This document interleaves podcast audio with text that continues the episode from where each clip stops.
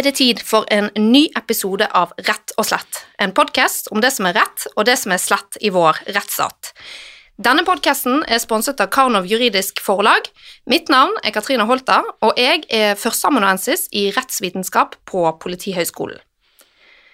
Siden rusreformen ble nedstemt på Stortinget i fjor, så er det flere som har sagt at domstolene har gjennomført sin egen rusreform. For eh, det siste året så har domstolene drastisk redusert straffene for rusavhengiges befatning med ulovlige rusmidler. Og eh, like før påske så avsa Høyesterett en banebrytende avgjørelse som konkluderer med at rusavhengige ikke lenger skal straffes for oppbevaring av mindre mengder rus til egen bruk. I dag så lurer jeg på hvordan vi skal forstå det som har skjedd i domstolene etter at rusreformen ble nedstemt. Er dette egentlig en rusreform? Står vi overfor egenrådige domstoler, eller domstoler som lojalt etterfølger lovgivers vilje? Og kan domstolene gå noe særlig lenger på egen hånd enn det de har gjort til nå? Eh, med denne episoden så følger jeg opp det temaet som ble diskutert i episode 21 om rus og straff. Men eh, du trenger ikke å lytte til denne først, for at eh, dagens episode skal stå på egne bein. I studio så har jeg fått med meg min gode kollega Morten Holmboe. Han var også med i episodene om akademisk ytringsfrihet. Morten Holmboe er fortsatt professor i politivitenskap på Politihøgskolen.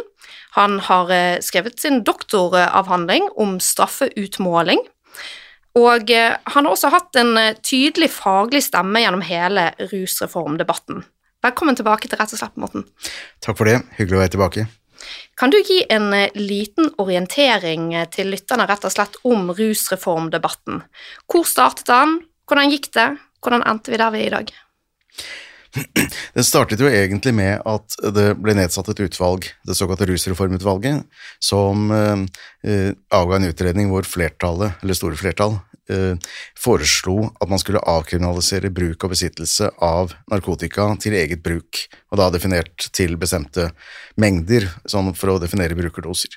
Så ble det da sendt på høring, og med naturlig nok som det skal være i en høring, så var det en del som var for og en del som var mot. Og, så, og regjeringen Solberg fremmet da et forslag til rusreform for Stortinget, hvor man gikk noe ned på disse, kvoten, på disse hvor store mengder man kunne godta. Men, for avkriminalisering. For avkriminalisering. Mm. Og vel å merke avkriminalisering. Altså ikke straffbart, ikke bare en nedsatt straff, men ikke straffbart. Og eh, ikke en legalisering. Det ville vært noe annet. Ikke en legalisering. Det skulle fortsatt være ulovlig. Fortsatt er det ulovlig, og, og det er viktig å holde fast ved. Men hva ville det bety, da? At det fortsatt var ulovlig, men, av, men avkriminalisert. For de som lurer på det. Det ville betydd at man, politiet kunne inndra det stoffet som man måtte ta folk med, og de ville også uh, ha plikt til å møte for en kommunal rådgivningstjeneste for å få hjelp. Tanken uh, har jo vært at det å ha et rusproblem er noe som skal utløse uh, helse, altså hjelp fra helsevesenet, ikke straff. Mm. Så gikk proposisjonen til, til Stortinget, og så var det da realiteten var det på Arbeiderpartiets landsmøte i april i fjor at slaget sto, fordi det var de som var tunge på vektskålen. Og flertallet på Arbeiderpartiets landsmøte stemte da for å gå mot den rusreformen slik den var foreslått, og det ble også slik i Stortinget, sånn at den uh, lovforslaget falt uh, i seg selv. og så kommer Høyesterett med noen nye avgjørelser nå før påske. Hva er det de kommer frem til her?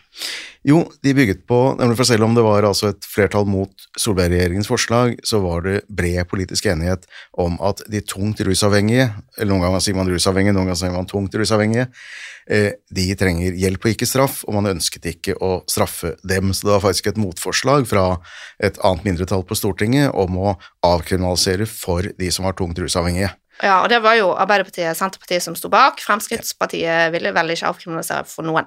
Eh, det er, det er riktig. Eh, og grunnen til at det falt, var at eh, det kan jo første, første øyekast virke rart at da regjeringspartiene gikk mot det forslaget, siden de jo ville ha en avkriminalisering, men det var av prinsipielle grunner, for de sa at det er veldig vanskelig i forhold til likhetsprinsippet å si at to borgere skal den ene, De gjør akkurat det samme. Den ene skal få straff eh, fordi han ikke er avhengig nok, og den andre skal ikke få straff for han er blitt avhengig nok. og de mente at Det var veldig vanskelig å, å, å håndtere, derfor ville de ikke gå inn for det. Men det Mm. ja, var og altså, det ville jo da være en forskjellsbehandling basert på hvem du er, og ikke bare på hva du gjør. Ja, og I tillegg vil jeg jo mene at det også ville skape ganske store problemer for eh, prinsippet om at det skal være mulig for borgerne å forutberegne sin rettsstilling. Altså gjør jeg noe straffbart eller ikke straffbart nå? Det, altså, jeg vet at jeg bruker narkotika, hvor avhengig er jeg egentlig? Det vil jeg mene også, Man måtte i hvert fall også vurdert eh, Grunnlovens paragraf 96 som regulerer dette, mener jeg, hvis man skulle gjort det. Men det hvert fall Hva står det i den? der står det at ingen skal straffes uten etter lov, og, og da må det være en lov som er mulig å trenge inn i. Altså man, man må skjønne omtrent hvor grensen går. Mm, må være, loven må være presis nok til at man kan forutsi sin rettsstilling i forkant. Og så er jo da poenget at eh, eh, rusavhengighet er et komplekst fenomen. Det er rett og slett veldig vanskelig å si hva, når man er rusavhengig nok. Man kan kanskje ha vært rusavhengig i ganske mange år, og så blir man bedre i en periode. Hvis man da får tilbakefall, er man fortsatt rusavhengig, eller hva skal Ja. Og det illustreres jo egentlig, for da skal vi skal komme til de, til de dommene, så hadde Høyesterett tre avgjørelser.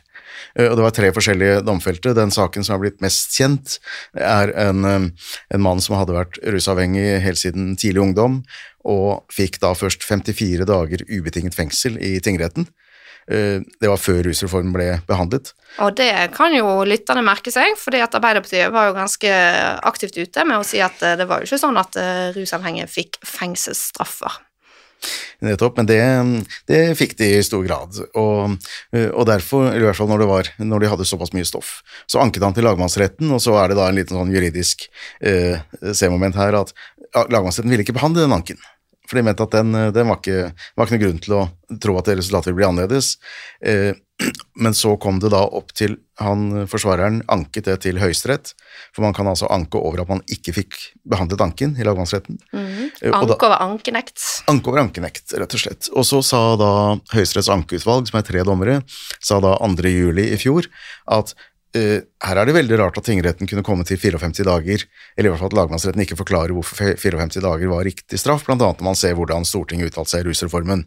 Så må dere, dette må dere gjøre bedre. Uh, og så ble den sendt tilbake til lagmannsretten, som jo da klokelig slapp anken inn. Uh, og da satte lagmannsretten straffen ned til 14 dager betinget fengsel, altså betyr at man ikke behøver å sone hvis man ikke gjør nye lovbrudd. Viktige forskjeller forskjell med seg her på ubetinget og betinget fengsel. Ubetinget må sones, den betingede eh, gis med en prøveperiode, da, eh, normalt. Man, eh, hvis ikke du gjør noe nytt i løpet av f.eks. to år, så, så slipper du å sone den straffen. Nettopp, og det er nøkkelen. Og der var lagmannsretten åpen på det, at den så jo problemet med det. For det er klart at jeg håper å si, hele definisjonen på å være tungt rusavhengig vil jo være at du vanskelig kan tenke deg at du ikke begår nye tilsvarende lovbrudd. Eh, Da er du jo for så vidt ikke rusavhengig.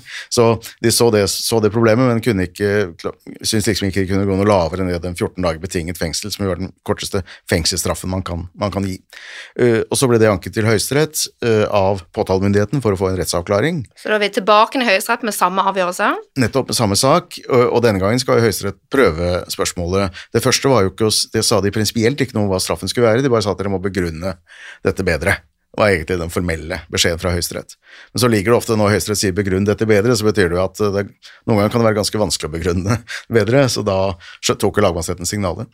Og der endte Høyesterett med å gi det vi kaller straffutmålingsfrafall, som er den altså aller mildeste reaksjonen en domstol kan gi. Den er ikke betinget, den er ikke med prøvetid, den er ikke med vilkår. Den er domstolenes svar på det vi kaller påtalemyndighetelse, som er påtalemyndighetens tilsvarende sanksjon. hvor Man sier at dette var straffbart, men det er så mange formildende omstendigheter at du slipper noen reaksjon. Mm. Og her er det da utrolig viktig også at man må ha med seg at i strafferetten så er det sånn at noe kan være straffbart uten at du får en straff, ikke sant? Eh, så, eh, og det skiller man Det går et sånn grunnleggende skille i strafferetten mellom det strafferettslige ansvaret og straffeutmålingen. Og Poenget her er at man konstaterer det strafferettslige ansvaret, skyld knyttet til handling, man har forbrutt seg på loven, men man lar være å utmåle en straff etterpå.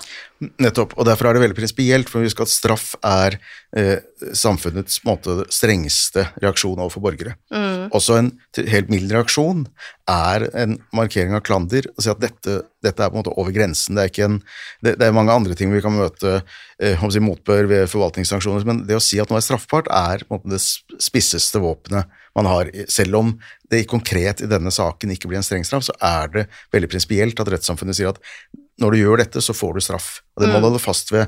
Man må skille det prinsipielle fra at akkurat i denne saken så slapp du for så vidt noe særlig sanksjon, men du en, har fått en straffereaksjon. Ja, og her er det også et poeng da, eh, og nå skal jeg introdusere min andre gjest, for jeg har med meg en til i studio, men her er det også da et poeng at både straffeutmålingsfrafall, som vi nå har snakket om, altså der man ikke utmåler en straff, og påtaleunnlatelse, som er det påtalemyndigheten avgjør, det innebærer en, altså en skyldkonstatering, som innebærer igjen at det vil stå på en uttømmende politiattest, Eh, og der er det også et skille mellom de ordinære politiattestene som man må ha med seg, og de uttømmende.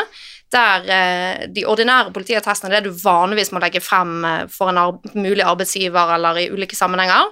Mens noen ganger, hvis du skal inn i bestemte yrker, så må du ha en uttømmende politiattest som viser alt, og der vil både straffeutmålingsfrafall og påtaleunnlatelser være oppført.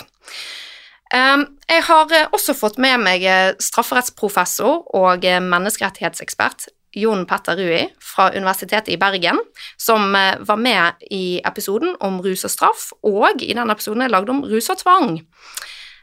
Jon Petter har tatt til orde for at det ikke lenger er legitimt å straffe rusavhengige. Og eh, han har ment at eh, Høyesterett eh, ikke burde nøye seg med å la være å utmåle en straff, altså dette straffutmålingsfrafall.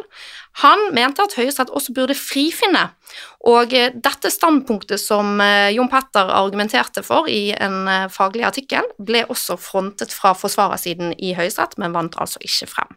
Det er en glede å ha deg tilbake igjen i Rett og slett, Jon Petter. Takk for det, og takk for invitasjonen. Først av alt så har jeg fått en del spørsmål etter eh, forrige episode om hvor den eh, fine dialekten din er fra. Kan du opplyse lytterne om det? Ja, den er fra Brønnøy, og det er på Helgelandskysten. I Nordland. Så vidt i Nordland, så det er blanding av trønder og nordlending. Det høres sånn ut. Mm, Brøn Brønnøysund, da? Ja, riktig. Ja. Ok, eh, hva tenker du om at Høyesterett ikke ble overbevist om å frifinne rusavhengige? Ja, jeg tenker jo det samme som jeg skrev i artikkelen. Og det er jo at hvis vi tar en prinsipiell tilnærming, så ser jo jeg det slik som eh, mange andre, inkludert eh, Den europeiske menneskerettighetsdomstol, at straff er et inngrep i borgerens rettssfære. Som Morten sa nå, det er ikke ethvert inngrep, det er det strengeste inngrepet vi har til disposisjon, det er statens budspiss. Da kreves legalitet, og da kreves forholdsmessighet og legitimt formål. Slik at jeg tenker nok at hvis man tar en prinsipiell tilnærming, og ikke en pragmatisk tilnærming, så holder jeg nok fast på mitt ståsted. Samtidig så ser jeg jo at Høyesterett balanserer her mellom eh, altså der man står og gjør, at man da prøver en egentlig en eksisterende lov som sier at dette er straffbart, opp imot annet rettskildemateriale, da må man trå forsiktig og kanskje pragmatisk. Mm. Og sist vi snakket, så var vi eh, egentlig ganske raske med å konstatere at eh, kriminalisering av en handling er et inngrep i retten til eh, privatliv. Eh, det avviser eh, Høyesterett. Eh, jeg ble litt overrasket. Hva Ja. tenker du om det nå? Ja, jeg må si at det ble eh, Jeg ble òg litt overraska over det. Hvis vi da Ja, hvis vi ser helt formelt på det, da, sånn rettskildeteknisk, så har Strasbourg i ganske mange avgjørelser sagt at Altså Menneskerettighetsdomstolen? Strasbourg. Riktig, takk skal du ha. Eh, har sagt at kriminalisering er et inngrep i privatlivet. Et eksempel er jo SAS mot Frankrike, storkammerdom fra 2010 Fra Menneskerettighetsdomstolen? fra Menneskerettighetsdomstolen. Der var spørsmålet I Frankrike da, så hadde man laga en straffebud som gjorde det straffbart å gå med burka, heldekkende ansiktsplagg. Eh, Så var det en eh, fransk eh, statsborger som anla sak i Strasbourg og sa at den kriminaliseringa er i strid med EMK artikkel 8. Hun sa Og samtidig hva er det? Den europeiske menneskerettighetskonvensjon artikkel 8, det er vernet av privatlivet. Mm. Takk skal du ha. Det som var spesielt i den saken, var at hun sa at jeg kommer ikke til å bryte den loven, jeg kommer til å respektere loven på gata i Frankrike, men jeg klager likevel av at dette innskrenker min handlefrihet og med adgang til å, å manifestere religion. Strasbourg sa dette er et inngrep. Så her har vi jo et klassisk eksempel på at en kriminalisering uten at straff er brukt, vil være et inngrep etter konvensjonen. Andre dommer som kan nevnes, er jo den vi snakka om sist, Lakatus mot Sveits. Så har vi jo de dommene som vi nettopp ble minnet på her, eh, om kriminalisering av homofili. Mm. De dommene var jo oppe i Strasbourg på 80-tallet, og eh, der, når man leser premissene, så er det jo om kriminaliseringa er forholdsmessig som er gjenstand for vurdering. Eh, og så kan man jo òg nevne at, at man i relasjon til, til bøtelegging for, for utsagn, eh, så, har man, så har man ansett straff som, som et inngrep Mm. i ytringsfriheten, og da mot, mot selskap, faktisk, og avishus og sånne ting. Så det der er litt rart, og hvis vi løfter blikket litt sant, ut av det tekniske, Mm. over i litt mer sånn systembetraktninger. La oss nå leke med tanken at straff ikke er et inngrep. Eh, Da vil jo ikke legalitetsprinsippet komme til anvendelse. Da trenger vi jo ikke det strafferettslige legalitetsprinsippet, og det vil jo egentlig være absurd tankegang. At man sier at noen handlinger som er kriminalisert, er såpass det er såpass, ja, det Høyesterett sa var at det var såpass eh, lav terskel eller noe sånt, at det ikke er et inngrep. Men et vilkår for at legalitetsprinsippet skal komme til anvendelse, er at det foreligger et inngrep. Mm. Og der vet vi jo at å registrere navnet ditt er et inngrep, eh, å registrere DNA er et inngrep. Jeg tror vi skal bare kort forklare hva legalitetsprinsippet er òg. Ja, legalitetsprinsippet er jo en regel vi har i Grunnlovens paragraf 96, som Johan Morten var inne på, som sier det du sa, Katrine, at eh, hvis du skal straffe noen, så må du ha hjemmel i lov. og Det betyr at hjemmelen må være tilstrekkelig presis fra lovgiver sin side. Mm. Lovgiver må gi hjemmel, og det er forbudt å tolke den bestemmelsen utvidende. Mm. Ja. Og da ser vi jo at, at den regelen har vi jo, og det er et veldig strengt legalitetsprinsipp. Veldig strengt, og grunnen til det er at det er straff. Ja. Så, så egentlig et veldig spesielt vi Kunne snakka litt mer om det der, men jeg tror kanskje Mm. Ja. Hva tenker du om dette, Morten? Nei, jeg er enig i at det er veldig Altså, man kan godt Det er klart at man kan godt si i en konkret sak at, øh, at det er god nok grunn til å kriminalisere. Men at, at det ikke skulle være et inngrep å kriminalisere en handling som da i og for seg ikke skader andre, øh, at det ikke skulle være et inngrep i det hele tatt, er også for meg vanskelig å forstå. øh, Da, da måtte man heller tatt det på at dette var viktig i et demokratisk samfunn osv., at man har jo unntak for det. Men øh, jeg stusser litt over den tilnærmingen. Har Høyesterett rett og slett gjort feil? Ja, jeg tenker, jo, jeg tenker jo der at det som er interessant å se, det er at, at Høyesterett sier at spørsmålet er ikke prosedert eh, i en veld, veldig bredt, sier de. De sier at det ikke er anført så, så mye argumenter rundt der det er en setning om det i dommen. Eh, så jeg tror den har kanskje fortjent litt mer oppmerksomhet hvis man, hvis man kom i tvil der. Ellers prinsipielt sett så er det jo slik at, at menneskerettighetene og Grunnloven skal jo tolkes ex officio, eh, og der er det beror det jo ikke på partene sine. Det betyr at dommeren, u, uh, uavhengig av hva partene anfører, skal ta stilling til retten. Dommeren kjenner retten. Jeg tenker at man, det, det som er litt pussig, er jo som du sier at dette skal jo retten prøve, eh, uavhengig av hva som blir prosedert på. Og det har vi jo sett eksempel på i den såkalte Nav-dommen fra i fjor, hvor Høyesterett jo sier rett ut, eh, erkjenner at i en tidligere sak om straffutmåling burde de også ha prøvet lovanvendelsen i, eh, eh, for om noe var straffbart, ikke bare hvilken straff det skulle få. Og det, og det kan man jo forstå når man ser at rettssamfunnet stiller jo veldig sånn grenser mellom hva som er straffbart og ikke straffbart.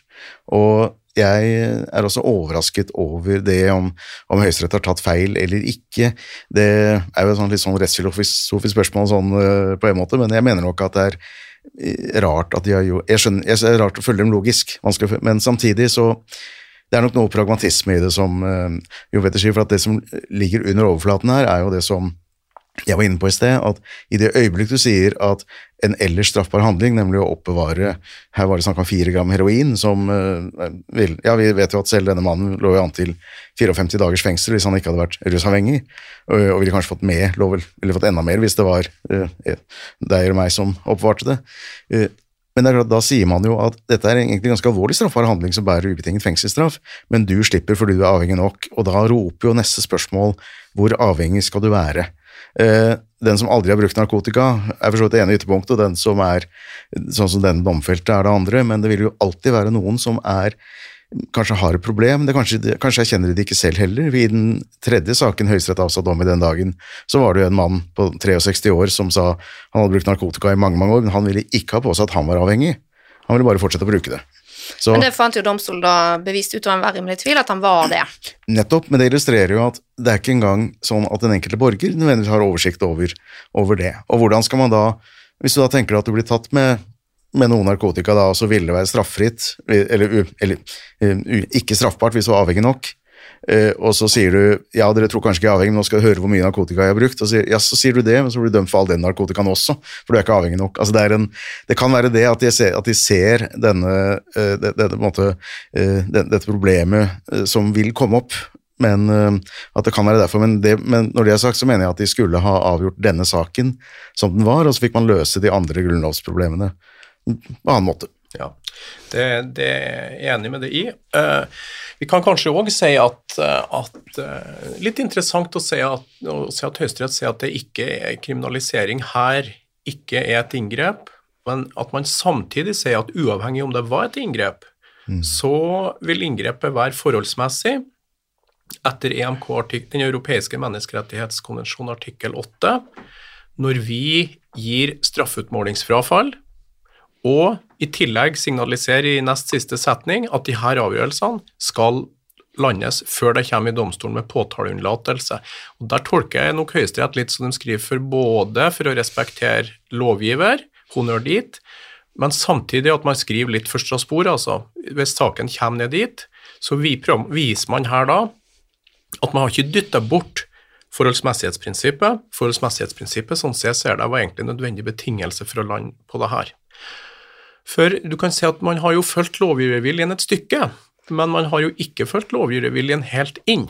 Men bare for å ta det, lovgiverviljen her, ja. sant? For det er jo enkelte som lurer på om dette er en høyesterett som har vært egenrådig og kommet til straffeutmålingsfrafall. Men så er jo poenget da at um, de har jo begrunnet sin avgjørelse grundig i en uh, lovgivervilje i et uh, tverrpolitisk flertall. For det er sånn som vi var inne på, så var det jo sånn at Solberg-regjeringen uh, de ønsket jo å avkriminalisere for alle. Arbeiderpartiet og Senterpartiet de ville avkriminalisere for rusavhengige eller tungt rusavhengige, litt uklart for meg hva de landet på der, eller om de hadde noe bevissthet i hvordan de formulerte seg der. Uh, og det betyr jo at alle var enige om at man ville avkriminalisere for tungt rusavhengige, men så ble jo dette da nedstemt fordi uh, av hensyn til likhet for loven, da. Det, ja, fin, eh, fin, oppsummering, og det var en nødvendig presisering. Men så det vi ser, det er at Høyesterett forankrer argumentasjonen sin formelt i lovgiverviljen helt inn. Men der, eh, der det skjer med lovgiverviljen, det er der man da trekker inn skillet mellom tungt rusavhengige og ikke tungt rusavhengige. For det, der så lovgiver ganske klart at det der er i strid med Grunnlovens 98. Så der fulgte de ikke lovgiverviljen. Det skjønte jeg ikke. Grunnen til at rusreformen falt, var at eh, flertall, et flertall på Stortinget sa at vi kan ikke skille mellom tunge rusmisbrukere og andre, for det vil ikke være likhet for loven, og det er forbudt etter Grunnloven. Men hva er resultatet av Høyesteretts dom? Jo, nettopp at man gjør det skillet. Så der har man ikke fulgt lovgiverviljen. Men det kan nok uh, forklare, forsvares på det prinsippet at det, for, det, veldig uh, At det kan være en annen vurdering når det gjelder ikke bare hva som er straffbart, ikke straffbart, men hvilken straff du utmåler, for det har vi jo for så vidt en lang erfaring eller praksis for å ta hensyn til hvilken, hvem, hvem er tiltalte.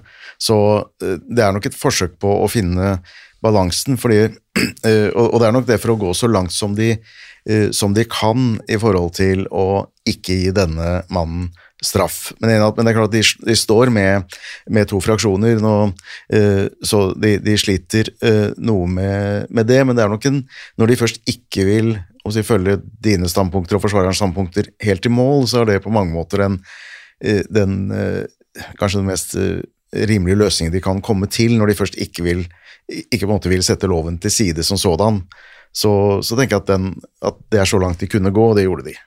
enig da, og hvis du tar det pragmatisk, eh, og man her ser at uh, Høyesterett er jo det er jo et sikkert gjenstand for flere podkaster, men, men denne Høyesterett sin holdning til prøvelse av lovgiverviljen og prøvelse av, av, Grunnloven, det er nok noe som har endret seg en del de siste, bare de siste tre, fire, fem årene. altså. Mm. Jeg syns den dommen føyer seg inn i rekka, at man, man, er ganske tilbakeholden og man er ganske pragmatisk. Så, så jeg er enig i det du, det du sier der, da. Det er det. Men eh, hvordan bør tingrettsdommere forholde seg til eh, dette feltet fremover nå, da? Og nå bare kaster ut en ball til den som vil. Ja, altså, la meg først si at det er også slik at Jeg vet ikke om vi svarte helt ut dette at Eh, så det kanskje ikke med rene ord. Etter min oppfatning har Høyesterett ikke på noen måte uh, tvunget igjennom en rusreform Stortinget ikke ville hatt. Jeg mener at de har vært helt lojale så langt de kunne mot lovgiverviljen, også med, den diskusjonen vi har hatt om Grunnloven.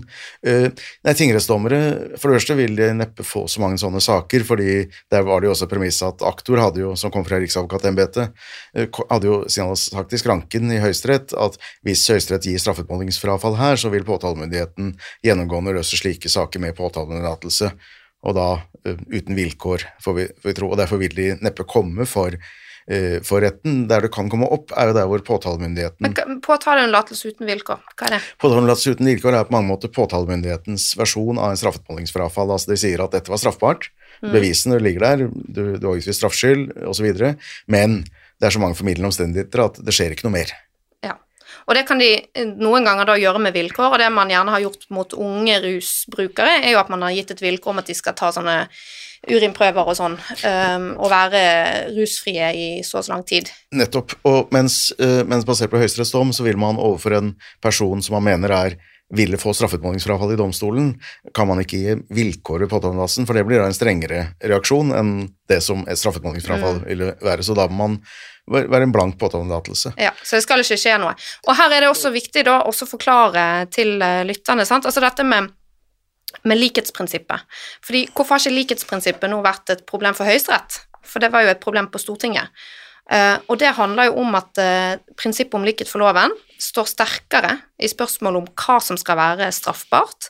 Altså i formidlingen Et straffebud er jo en formidling om, fra, fra lovgiver til borgerne om hva vi forventer at folk skal gjøre og ikke gjøre i samfunnet.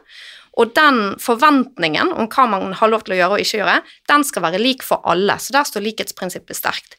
Så når det kommer til straffeutmåling, altså hvilken straff du skal få, så har det vært mye større tradisjon for å skille på, på folk, da, eh, og, og, ta individuelle hensyn. Så det Høyesterett gjør, og grunnen til at ikke de kommer i konflikt med likhetsprinsippet, eh, antagelig, det er fordi at, eh, at de eh, differensierer i straffeutmålingsdelen og ikke i straffbarhetsdelen. Ja, det, det, er helt riktig. Det er den prinsipielle tilnærminga som Høyesterett tar. Men, men, det vi samtidig ser, det er nok at, at eh, hvis man tar Høyesterett på ordet, så, så, blir jo egentlig ikke det konsekvensen. For hvis vi ser på bakken i dag, så vil du få en situasjon der tunge rusmisbrukere møtes uten reaksjon, mens de som ikke er tunge rusmisbrukere, straffes. Så det, det, det bærer i noen grad preg av en konstruksjon fra Høyesteretts side for å komme i mål, syns jeg da. Men jeg tror for å yte Høyesterett litt rettferdighet, de, de, antyder jo for så vidt når de gjengir Stortinget, det sier jo at det fremkommer ikke så klart av forarbeidene hva man egentlig mener med tungt rusavhengige eller rusavhengige. Uh, så det, men tilbake til spørsmålet ditt, som jeg da ikke egentlig svarte helt ut, dette med hva tingrettsdommerne skal gjøre. Der hvor en tingrett, Hvis man forutsetter jo at påtalemyndigheten her opptrer lojalt mot uh, Høyesterett, uh, så vil jo de sakene som kan komme opp, være der hvor påtalemyndigheten mener at du er ikke avhengig nok, så du må få en eller annen reaksjon som vi må til domstolen med, og så sier da tiltalte kanskje at ja, men jeg er veldig rusavhengig. Og da må jo tingrettsdommerne og, og andre dommere vurdere er det riktig. Og det, er, eh, det skal bli en eh, utfordring, eh, særlig fordi ofte så får de jo, hvis det er litt mindre doser, får de gjerne et forelegg på bot. Og hvis de ikke vet av forelegg, så får de ikke betalt forsvarer. Og da kan du komme i den situasjonen at du skal stå i en domstol og hevde uten hjelp av forsvarer at jeg er så avhengig at jeg ikke kan noe for at jeg bruker narkotika. Men da kan man nesten si litt sånn hvis du klarer å prosedere det veldig godt, så kan du spørre kan du da egentlig være så veldig tungt avhengig. Altså, du skal jo da, De som er i grenseland, skal jo da kunne prosedere saken sin selv, blir jo logikken i dette. Mm. Så her har man jo skapt en potensiell Altså det vil alltid være uansett hvor du trekker grensen mellom, så vil det alltid være noen som mener at de er rusavhengige, som ikke domstolen, eller påtalemyndigheten mener er det, og som vil kunne på en eller annen måte argumentere for det, og da må man ta stilling til det, da. Men hvordan skal man eh, operasjonalisere dette skillet mellom rusavhengige og andre brukere i praksis nå, da? Eh, jeg tenker at Første spørsmålet er jo hva, hva, hva Støre-regjeringen gjør med det de kaller sin rusreform, hvor de vel har signalisert at de vil lage en sånn avkriminalisering for de tungt avhengige, sånn som de foreslo i, i første omgang. og Vi får tro, tro at de har tenkt grundig gjennom forskjellen på en avkriminalisering og å si at straffen skal være mild. Så vi må forutsette at de mener at det til og med ikke skal være straffbart. Og jeg må jo si at det må være en ganske krevende øvelse å skulle lage en rovleger som lar seg, lar seg forsvare her. Hva Spørs om ikke Høyesterett på en måte har uttømt hele den eh, juridiske siden av Arbeiderpartiet og Senterpartiet sin rusreform. De har i hvert fall antydet at dette ikke er så lett å trekke grensen. Så, men, men, si sånn, men, inntil det måtte skje, da, at det kommer et lovforslag som da Stortinget får debattere, så, så, vil du få den situasjonen at enten må påtalemyndigheten være veldig tilbakeholden og måtte frafalle, kanskje ikke engang åpne sak, eh, for man behøver jo ikke Man skal jo formelt Enten kan man formelt gi en påtaleanlatelse, eller så kan man jo rett og slett henlegge sakene.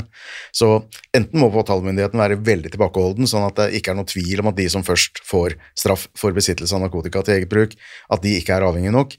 Eller så vil påtalemyndigheten, hvis den, være, hvis den ønsker en avklaring, så den, vil den få noen saker hvor det blir et tvistetema. Men kanskje, Hva de velger, vet jeg ikke. Men det blir jo spennende å se hva Altså, jeg vil jo tro at Riksadvokaten må komme med noen eh, retningslinjer til politiet om hvordan de skal forholde seg til dette her fremover, da. Og jeg vil jo nesten tro at uh, det går i retning av å antyde at politiet ikke skal drive og, og opprette saker på dette.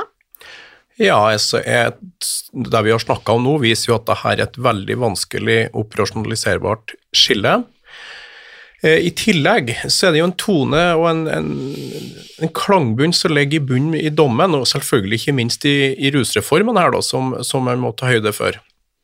Uh, og i tillegg uh, så har det jo en side til ressurser i påtalemyndigheten, og hvis vi ser på prioriteringsdirektivet og sånne ting, så, så, har det jo ikke vært fremheva Selvfølgelig er det helt normalt at, at, man skal sette inn fokuset på ressursbruken med å ta personer som har eh, narkotiske stoffer til eget bruk.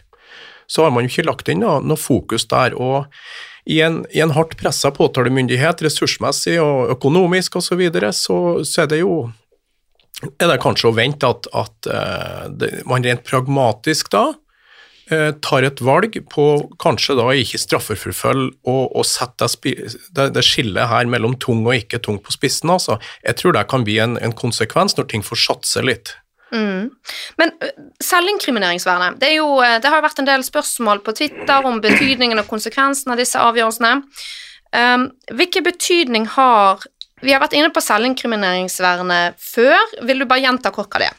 først? Ja, selvinkrimineringsvernet det er jo da at man har en rett til å forholde seg taus når man er til avhør hos politiet. Mm. Og det er fordi du ikke skal måtte bidra til din egen domfellelse, ikke sant? Helt riktig. Og eh, spørsmålet er jo Hvilken betydning har selvinkrimineringsvernet i saker der man nå kan håpe på å oppnå en påtaleunnlatelse eller et straffutmålingsfrafall dersom det sendes til retten? Altså, her er det jo nå selvinkrimineringsvernet på et punkt der det vil ha betydning eh, eh, Altså der straffbarheten er avgjort, men det kan ha betydning for hvilken reaksjon du kan håpe på å få. Mm. Ja, Det vil jo være slik at hvis eh, påtalemyndigheten skal jo da belyse et faktum om du har eh, erverva og brukt stoff tidligere i så stor utstrekning at du nå anses som en tung rusmisbruker. Eh, hvis, det er klart, hvis man sitter i avhør og så spør politiet når, kan du, kan du si de siste fem gangene tid, sted og omstendigheter du kjøpte narkotika, så vil selvinkrimineringsvernet komme på spissen. Hvis politiet derimot eh, spør eh, hvor tung rusmisbruker er du, hvor mange ganger i måneden bruker du osv., så vil det ikke aktualisere selvinkrimineringsvernet. For man, hvis man skal ta ut en tiltale, så må man ha en presis angivelse av tid mm. og sted for lovbruddet. Men, men, det er klart, prinsipielt sett så kan uh, selvinkrimineringsvernet det kan komme på spissen i de her sakene. Ja, og jeg tror for å komme rundt denne problemstillingen, så tror jeg eh, det bør innføres en eller annen form for bevisforbud mot um, uh, ja, mot å lage nye saker basert på den type innrømmelser som kommer for, i et ønske om å få denne påtaleunnlatelsen? Det vil antagelig være helt nødvendig, for det er helt riktig som Petter sier, selvfølgelig at å si 'jeg har brukt narkotika i mange år', da får du ikke en tiltale for 'han har brukt narkotika i mange år'. Men hvis de sier 'jaså, har du det, du', ikke sant? Mm. Altså, vi tror ikke på deg. Og så 'jo, men nå skal du høre'. Og så må man jo nesten uh, da begynne å fortelle mer for å dokumentere at man kommer over denne røde streken, og så kommer man kanskje bare neste til den røde streken. Og, så har man, og det er enig at da, da, blir det veldig, i hvert, fall, uh, i hvert fall veldig tvilsomt i forhold til prinsippet mot, om selvinkrimineringsvern, hvis man skal liksom måtte utlevere seg selv i håp om at man skal være over, uh, over grensen. Ja. Men uh, ok, um, når det gjelder tvangsmiddelbruken, da, sant? altså tvangsmidler, eh, adgangen til å ransake folk som man mistenker for å, for å oppbevare narkotiske stoffer, og som man kanskje tenker er rusavhengig, vil disse avgjørelsene for Høyesterett ha noe betydning for adgangen til å ransake? Altså, vi vet jo at uh, Riksadvokaten har uh, sagt at det er greit med personransaking, dvs. Si av lommer og vesker og på en måte utenpå klær og kropp. Eh, men eh, har satt ned foten for, eh, for blodprøver, urinprøver, spyttprøver. Ja, i hvert fall blodprøver og urinprøver har vel stått i det, det brevet fra Riksadvokaten, og gjennomgang av mobiltelefonen og hjem. Men kan man fortsatt drive personransaking av tunge rusavhengige? Ja, Det må jo bero på ei forholdsmessighetsvurdering, pga. at de andre vilkårene er oppfylt for ransaking. Eh, og Da vil jo spørsmålet her være om det vil være proporsjonalt. Og På den ene sida så har du at politiet går i veska di, går i lommene dine. Det er jo en eh, ikke uvesentlig integritetskrenkelse. Og på den andre sida så har vi behovet for å få en påtaleunnlatelse. Og får truffet et vedtak om en påtaleunnlatelse hvis det er en tung rusmisbruker. Ja, men eh, det, er, men det er bare forutsatt at du vet at dette er en tung rusmisbruker som har bare opp til disse grenseverdiene. Det som vel et argument for at det kan være tillatt å ransake, er jo nettopp for å se om man For Høyesterett har jo trukket opp veldig sånn tydelige grenser i disse avgjørelsene. Mm. At opptil fem gram heroin eller amfetamin kan gi påtaletillatelse eller straffeutmålingsfrafall. Over det så blir det betinget fengsel. Og så har vi jo en, en som fikk samfunnsstraff fordi det var for mye, så man Det spørs jo hvis man har eh, hvis, hvis, mistanken omfatter at man har mer enn disse grenseverdiene, eller at det ikke er sikkert at vedkommende er rusavhengig, så er det jo straks også et formål å avdekke det. Men da må det jo være skjellig grunn til mistanke, altså mer sannsynlig enn ikke, at denne personen har mer enn fem gram i lommen, og det kan vel kanskje være vanskelig å Ja, men det er vel ett et argument der, og det er vel For tross alt så er dette fire gram heroin er like måte, skadelig enten den ene eller den andre har det, uh, sånn sett, og det er jo spredningsfaren som på mange måter er Så man kan jo se for seg at en ransaking kan begrunnes i at du rett og slett ønsker å få tak i dette stoffet så det ikke, ikke blir spredd noe, noe sted, det, for det vil jo kunne inndras. Selv om, det, om vedkommende ikke får noen uh, andre reaksjoner enn påtaletillatelse. Jeg tror kanskje man må se det også litt i perspektiv av hvordan man har operert før. For da har man hatt en tankegang om at uh, ved gjennomføring av tvangsmidler så er det legitimt å bruke det for å finne bakmenn og for å finne uh, større parti osv. Og, så og nå er jo foten satt ned overfor det. Så det vi, det vi må spørre oss, for dem som ikke er tunge rusmisbrukere, for tunge rusmisbrukere så vil det være forbudt å gjennomføre en ransaking i, i veska, tenker jeg, og, og, og jakken. Ellers så fremstår det fremstår som merkelig ellers, altså. At du skal kunne ransake noen for å få skrevet et vedtak når du kommer på kontoret om påtaleunnlatelse. Når det gjelder de andre, de som ikke er tunge rusmisbrukere, så blir jo spørsmålet da skal vi gjøre en krenkelse av din fysiske integritet for å ilegge deg bot. Det er egentlig det som er spørsmålet i dag. For nå, hvis du da ikke har skjellig grunn til mistanke om at, om at her har vi noen som har mer, men det vil ikke være normaltilfellet. Og da tenker jeg at eh, i veldig mange tilfeller så vil det være uforholdsmessig å, ran, å gå i veska og gå på kroppen på folk for å kunne ilegge dem i bot, altså. Det er noe mitt, eh, min, min, tankegang rundt, rundt, det der. Jeg tror det kan være grunn til å se på det, det rundskrivet etter de dommene, det, det er min oppfatning. Så er det en eh, statsadvokat ved Oslo statsadvokatembeter, Stein Vale, som har skrevet en eh, kronikk eh, som denne uken, og i dag spiller vi inn det 29. april, tidligere denne uken sto på trykk eh, både i Rett24 og i Politiforum, altså som er den eh, fagavisen til, til Politiets Fellesforbund. Og I denne kronikken så tar han avstand fra at politiet skal ha begått systematiske feil i tvangsmiddelbruken, som Riksadvokaten har vært ute og sagt, før Riksadvokatens skriv. Hva tenker dere om argumentene til statsadvokatene her? Ja, Det spørsmålet diskuterte vi tidligere i en tidligere episode, og um, der konkluderte vi vel med at når man leser Riksadvokaten sitt rundskriv, når man legger til grunn ordlyden, så er det en presisering av rettstilstand. Og nærmere best når vi snakker om rettstilstand, så snakker vi om en presisering av hva som er forholdsmessig, altså hva som følger av loven, hvordan forholdsmessighetsprinsippet skal operasjonaliseres. Ja, så, og, der, ja. det blir jo da viktig, sant? fordi hvis det er da en presisering av gjeldende rett, så er ikke det sånn at Riksadvokaten med sitt brev har innskrenket adgangen eller opptrådt egenrådig å innskrenke adgangen som en egenrådig lovgiver på hva som er gjelderett, med den konsekvens at, eh, at, alt som var Altså konsekvensen i argumentasjonen til Stein Vale er jo at hvis han har rett i at Riksadvokaten på en måte har, har endret gjelderett med sitt brev, så var alt det som skjedde før dette brevet av 9. april, eh, det var lovlig, mens det som skjer etterpå, kan bli ulovlig. Ikke sant? Så ja, jeg burde sagt det innledningsvis.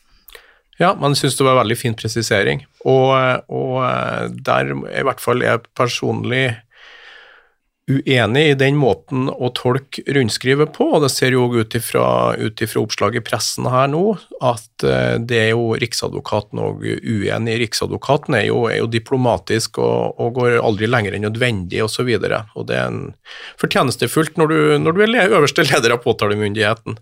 Men det, han har presisert at, at det her var ikke ny, ny jus. det her var presisering av rettsregler som gjaldt før. Ja, og for eksempel det som gjelder eh, eh Han har jo eh, sagt at du kan ikke ransake en bruker sin mobiltelefon for å finne bakmenn. Det vil i realiteten være det som kalles en tredjemannsransaking, fordi at den du eh, egentlig etterforsker da, er bakmannen og ikke rusbrukeren. Um, så, eh, så, dette, og, og det på en måte konkretiseres et ord om relevant etterforskningsformål. Og vi var inne på i episoden om rus og tvang, om, om hvordan man bør tenke at straffesaken er en slags boks som setter rammer for eh, for hva du kan, hvilke virkemidler du kan bruke, og hva det er du ransaker. Så hvis du ransaker en besittelsessak, altså hva noen har i lommene sine, så er det det du må ransake. Hvis du gjennomgår mobiltelefonen til den brukeren for å finne bakmenn, så ransaker du i realiteten en salgssituasjon mot den bakmannen, og da utsetter du denne brukeren for den ransakelsen som egentlig skal rette seg mot noen andre. Da er vi i tredjemannsransaking. Og det er jo ingenting nytt. Det er ingenting nytt. Det som er nytt, er nok at dette blir tydeliggjort fra påtalemyndighetens øverste leder. Og jeg er helt enig med, med John Petter i at Riksadvokaten han kan jo for så vidt ikke endre noen lov. han eh, kan, uh, han kan fortelle hvordan den skal forstås, uh, og det er klart at påtalemyndigheten vil være også bundet av hans forståelse av den loven, i hvert fall til gunst for borgerne, men det er klart at Riksadvokaten endret ingen lov 9. april i fjor. Han forklarte ut fra fordi det, vi hadde jo, Bakteppet var jo høringen i Stortinget, hvor en annen statsadvokat sto sto, overfor Stortinget og sa at vi må beholde dagens regler for å kunne finne selgerne. Og så kommer Riksadvokaten på og sier at ja, det har man jo ikke lov til nå heller. Så dette var jo bare en skriftliggjøring av en, Da ble Riksadvokaten klar over at her er det uh, en, uh, folk ute i etaten som ikke helt uh, kjenner reglene. Det Riksadvokaten kan gjøre, er selvfølgelig i noen tilfeller å si at skjønnsmessig, altså der hvor dere har lov til å gjøre noe, men, men, situasjonen er sånn og sånn, skal dere ikke det. Det ville være en endring, det ville være en instruks om at du skal ikke gå lenger enn det og det. Men, og det er mulig noe av brevet 9. april kan forstås som det, men lite av det. Jeg tror det aller, aller meste er en klargjøring av slik er gjeldende rett, og det vil si at gjeldende rett var sånn også før Riksadvokaten sa det. Mm. Og disse tre høyesterettsavgjørelsene som nå kom før påske, sant? der er det jo også to avgjørelser som dreier seg om uh, narkotikapartier som er over denne terskelverdien på fem gram heroin, amfetamin og kokain. Uh, og som er litt over det. Eh, men også i disse sakene så reduserer jo da Høyesterett eh, straffen betraktelig. Det har jo sammenheng med at uh, straffeutmåling skal være rettferdig, ikke sant? Sånn at hvis du er på opptil fem gram, så skal du da ikke få noen reaksjon overhodet, men hvis du så vidt over fem gram, hvis du da hadde fått en drakonisk straff, så ville jo straffenivået blitt urettferdig. Så de må jo hele tiden, det er jo sånn domstoler jobber, de skal se saker i forhold til andre saker og på en måte få et, et straffenivå som er Um, forholdsmessig eller rettferdig ut ifra ting som du kan sammenligne med. Da. Um, men men den, og disse tre avgjørelsene blir på en måte eh, kommer inn og bekrefter det som har vært en veldig tydelig tendens i domstoler helt siden rusreformdebatten i fjor. Nå har det for så vidt vært sånn ganske lenge at eh, domstoler har sett ganske mildt på, på rusavhengighet og, og, rehabiliteringshensyn i forbindelse med straffeutmålinger og sånn, men eh, de siste året så har jo dette skutt fart. Og det er jo det som har gjort at kommentatorer i flere store aviser har snakket om en, om en rusreform i domstol, eller at domstolet tar rusreformen i egne hender og rydder opp der politikerne ikke får det til. Men er det egentlig en rusreform vi har sett i domstolet, og, og står vi overfor Altså Står vi overfor egenrådige domstoler, eller er det domstoler som lojalt etterfølger lovgivers vilje? Vi står ikke overfor egenrådige domstoler, vi står overfor domstoler som søker å finne hva som er lovgiverviljen, og uh, i disse tre sakene her så har de også da hensyn til konsistens i rettssystemet, for som du helt riktig sier, klart at når du får straffeutmålingsfrafall for fire gram heroin, i sak, en av de andre sakene så var det syv gram heroin, da skal du ikke plutselig uh, Altså alle disse tre alle disse tre domfelte fikk fengs, ubetinget fengsel i tingretten.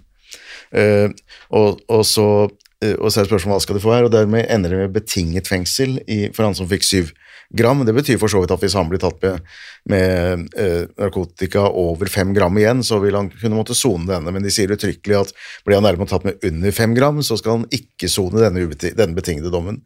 Og, og tredjemann fikk samfunnsstraff fordi det var en god del mer, men nei, det er ikke på noen måte en egenrådig domstol, de har en domstol som lytter til uh, lovgivningen, også der hvor uh, forskjellige konstellasjoner i Stortinget ikke helt klarer å samle seg om et vedtak. Så er det klart at de i sum er enige om noe, og det følger domstolen lojalt opp. Så jeg oppfatter mm. det Og her er det også viktig å si sant, altså at straffeutmåling er jo normalt og tradisjonelt domstolens domene. Altså de har ganske mye større skjønnsrom når det kommer til hvilken straff du skal få, enn når det kommer til tolkningen av hva som skal være straffbart. Ja, men samtidig er Høyesterett veldig, eh, ja. her er Høyesterett veldig tydelig på at de, de leser veldig grundig disse forarbeidene, og, og, nevner jo at de vet, Jeg tror Høyesterett heller ikke vet helt nøyaktig hvor grensen mellom tungt rusavhengige og andre folk som bruker rusmidler er, men, de, men en dommer kan jo bare si at, de, at disse her er i hvert fall i den gruppen. Selv om den tredje hadde masse benektet det, men de sa at det, det, var, det, var, han. Eh, så en domstol bør bare for så vidt vurdere er denne personen på den eller den siden av streken, og så behøver de ikke trekke opp streken selv. Men det er en, nei, det, jeg vil si det, det er domstoler som lojalt følger opp signaler fra lovgiveren. Eh, at stort, stort flertall på Stortinget ønsket ikke at man skulle få straffereaksjon for f.eks. som den, i den saken her. Og så bygger de opp da jeg kan nevne at I den tredje saken, en som, hadde, en som da hadde oppbevart 24 gram amfetamin og 4 gram hasj, som er en god del mer, eh, der sier Høyesterett at vel, rusreformen gjør ikke at han skal få mildere straff, men samtidig så skal, vi jo gi, skal man jo gi mer, mest mulig samfunnsstraff, så de ender med samfunnsstraff. Eh, det er en ganske intrikat resonnement, men det er jo nettopp for å holde en konsistens i dette. At, det, at, du ikke plutselig går over en terskel, og da ryker du rett i fengsel. Ja, og samfunnsstraff er jo da mye mildere reaksjon enn det en fengselsdom vil være. Det er det. Samfunnsstraff er en, er en reaksjon i frihet, som er noe helt annet. Ja, jeg er enig i det som blir sagt, og, og, men jeg tenker som så at vi kan, vi kan, gjøre et tankeeksperiment, og så kan vi se for oss at vi har en, en eh, litt eh, hardere påtalemyndighet som sier at den loven der, og den diskusjonen i Stortinget, den datt i bakken. Den gjelder ikke. Uh, og nå har vi den loven og de forarbeidene som ligger her, uh, så da går vi da for at vi skal opprettholde straffenivået fra lagmannsretten. Så kunne man i teorien ha tenkt for seg en, en tilbakeholden domstol, svært tilbakeholden domstol, som har sagt at det her var diskusjoner blant politikere som ikke ble noe ut av. Det ble diskutert eh, heftig i en ganske kort periode, og så, og så datt det i bakken i en avstemning. Så nå vi får forholde oss til de formelle tekstene vi har. Det kunne man jo godt ha tenkt seg. Og i et sånt perspektiv så er så syns jeg det er et sånt sunnhetstegn at, at uh, ikke minst at påtalemyndigheten tar, går så langt, altså de la tross alt ned påstand om straffeutmålingsfrafall, og at Høyesterett da går så langt og, i sine presiseringer da, og, og bygger det her da på lovgiverviljen, og jeg tenker også de bygger det på, på, proporsjonalitet. Så det har ikke behøvd å vært sånn. Men sånn er det, og det er egentlig, det er egentlig tommel opp, altså, syns jeg. Jeg også, og dette har jo en bak Hvis man går langt tilbake for Eh, for 20 år siden så var det jo slik at da var det motsatt. Da var det Stortinget som sa stadig vekk at vi ville ha opp straffenivået uten å endre loven, og da sa Høyesterett at nei, dere får endre loven. Og da gjorde Stortinget det til gangs, og da fikk man noen minstestraffer og, eh, og det hele. Men, men her er, det, er du inne på, men her er det jo også da til gunst for de domfelte. Sånn at de, de, de, Og det er et viktig tolkningsprinsipp i strafferetten, at du kan gjøre mer til gunst enn til ugunst. Eh, det er klart at når du har en lov, og så har du en, du har en strafferamme, og så sier da stort flertall av nasjonalforsamlingen at denne gruppen skal ikke, eh, skal ikke egentlig ha noen følbar reaksjon, så er det klart at det er mm. helt i tråd med prinsippet av straffen at domstolene ikke da Da vil det være eh, da vil det være Når Høyesterett gjorde det motsatt for 10-20 år siden og ventet på lovgiveren, var det hensyn til legalitetsprinsippet, men her er det jo helt omvendt at her ville det være eh, altfor hardt å si dere må få endre loven først. Jon Petter, um, kan egentlig domstolene foreta seg stort mer på egen hånd nå? Eh, det enkle svaret må egentlig være nei, tenker jeg. Det er ikke så mye rom for det. De har egentlig eh, nå lagt til rette for eh, ja, så langt som de kan gå, da. Det, det, så svarer er egentlig nei. Og så, og vi begynner nå å nærme oss avslutningen her, men eh, Morten, det har jo nylig blitt sendt på høring et forslag om at eh, enkelte rusrelaterte forhold eh, skal kunne bli fjernet fra politiattesten etter er det tre år det er snakk om. Um, og vi to har jo sendt inn et høringssvar her. Um, vil du fortelle litt om hvilke endringer som er underveis? Ja, det er slik at uh, som hovedregel vil også et straffeutmålingsfrafall eller en påtaleunnlatelse det vil komme på en såkalt uttømmende politiattest som vi bruker i noen spesielle tilfeller. tilfeller. Mm. Uh, så var det et, uh, et stortingsvedtak i forbindelse med rusreformen om at man skulle da la slike reaksjoner for egen bruk av narkotika falle bort fra reaksjonsregisteret etter tre år. Altså at det ikke kom på en attest heller, heller ikke en uttømmende attest. Så sendte Justisdepartementet dette på høring i februar og tolket det da som at man skulle ta man skulle gjelde det når det gjaldt brudd på legemiddelloven, som er den mildeste bestemmelsen, altså besittelse og bruk, som er da relativt små kvanta. Mm. Og her er det altså sånn og bare til lytterne, at det, er et forskjell mellom besittelse og oppbevaring. Eh, der besittelse er type 1-2 brukerdoser, og det går etter den mildere straffebestemmelsen i legemiddelloven, mens oppbevaring er større mengder, da har du mer narkotika på deg, og det er et mer alvorlig forhold og går etter straffeloven. Og så merk dere òg at alle disse tre avgjørelsene som kom fra Høyesterett, de gjelder oppbevaring etter straffeloven. Nettopp, og det er et veldig viktig poeng, og det var derfor vi da også skrev denne høringsuttalelsen, eh, basert også på det Høyesterett skriver, at, uh, at her er det jo slik at nettopp for de tungt rusavhengige så er det upraktisk med legemiddelloven de vil stort sett veldig ofte bryte straffelovens bestemmelse, selv om de bare har til egen bruk. Sånn at da faller på en måte mye av vitsen bort. Så vi har jo foreslått at man ikke skal gå på hvilken paragraf, men at det er til egen bruk eller, eh, eller ikke. Og Så får vi se hva, eh, hva det gjør. Men det, ja. vi, vi, har jo ment at stortingsvedtaket kan tolkes videre enn det eh, departementet foreløpig har gjort det, men det er derfor vi har høringer, at man kan komme med innspill, og så får vi se hva de gjør. Også rusavhengige må da kunne nyte godt av at det skal slettes fra rullebladet, egentlig. Nettopp.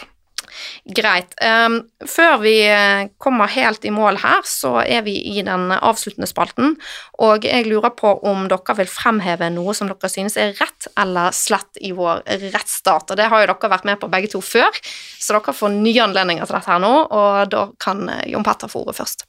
Ok, tusen takk.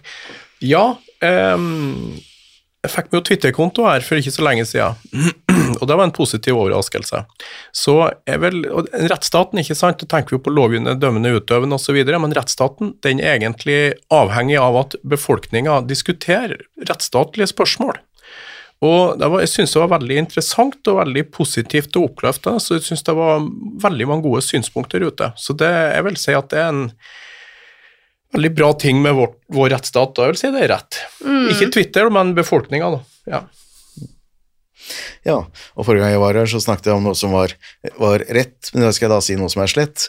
Og det henger for så vidt litt sammen med det vi har snakket om i dag, men jeg har ment det lenge før rusreformen kom på trappene, nemlig at uh, vi skiller jo veldig strengt i, Norge, i norsk straffeutmåling mellom å få bot eller å få ubetinget fengsel. For ubetinget fengsel, det er måtte virkelig markerer en veldig alvorlighetsgrad. Bot er mindre alvorlig. Men så er det slik at de som ikke betaler boten Først så prøver staten å få inn pengene, så hvis du eller jeg får en bot vi ikke betaler, så kommer staten til å klare å trekke det i lønnen, eller hva det skal være. Men så er det en del som ikke klarer å betale, og det er nettopp ofte folk som har rusproblemer. Og da blir de kalt inn til enten soning av fengselsstraff eller såkalt bøtetjeneste. Uh, bøtetjeneste vil de jo da bare, må de jo søke om, og det vil de da kanskje bare få hvis de klarer å gjennomføre det, men vi ender altså med at etter at man har hatt en uh, grundig vurdering av at dette er ikke mer alvorlig enn at du skal få en bot for det, så kan man allikevel måtte sone fengselsstraff, i hvert fall fordi man ikke har penger. Og Det innførte man under eneveldet, det var en effektiv tvangsforbrytelsesmåte den gangen, men jeg syns vi nå kan legge eneveldet bak oss og rett og slett si at kommer, du, er du ikke dømt til fengsel, skal du ikke i fengsel. En veldig, veldig fin eh, refleksjon. Og eh, det var eh, det jeg hadde for i dag. Husk å følge denne podkasten i din podkastspiller hvis ikke du allerede gjør det, og fortell gjerne om den til en venn eller til en kollega, så hjelper dere meg med å nå ut til et bredere publikum. Vi høres.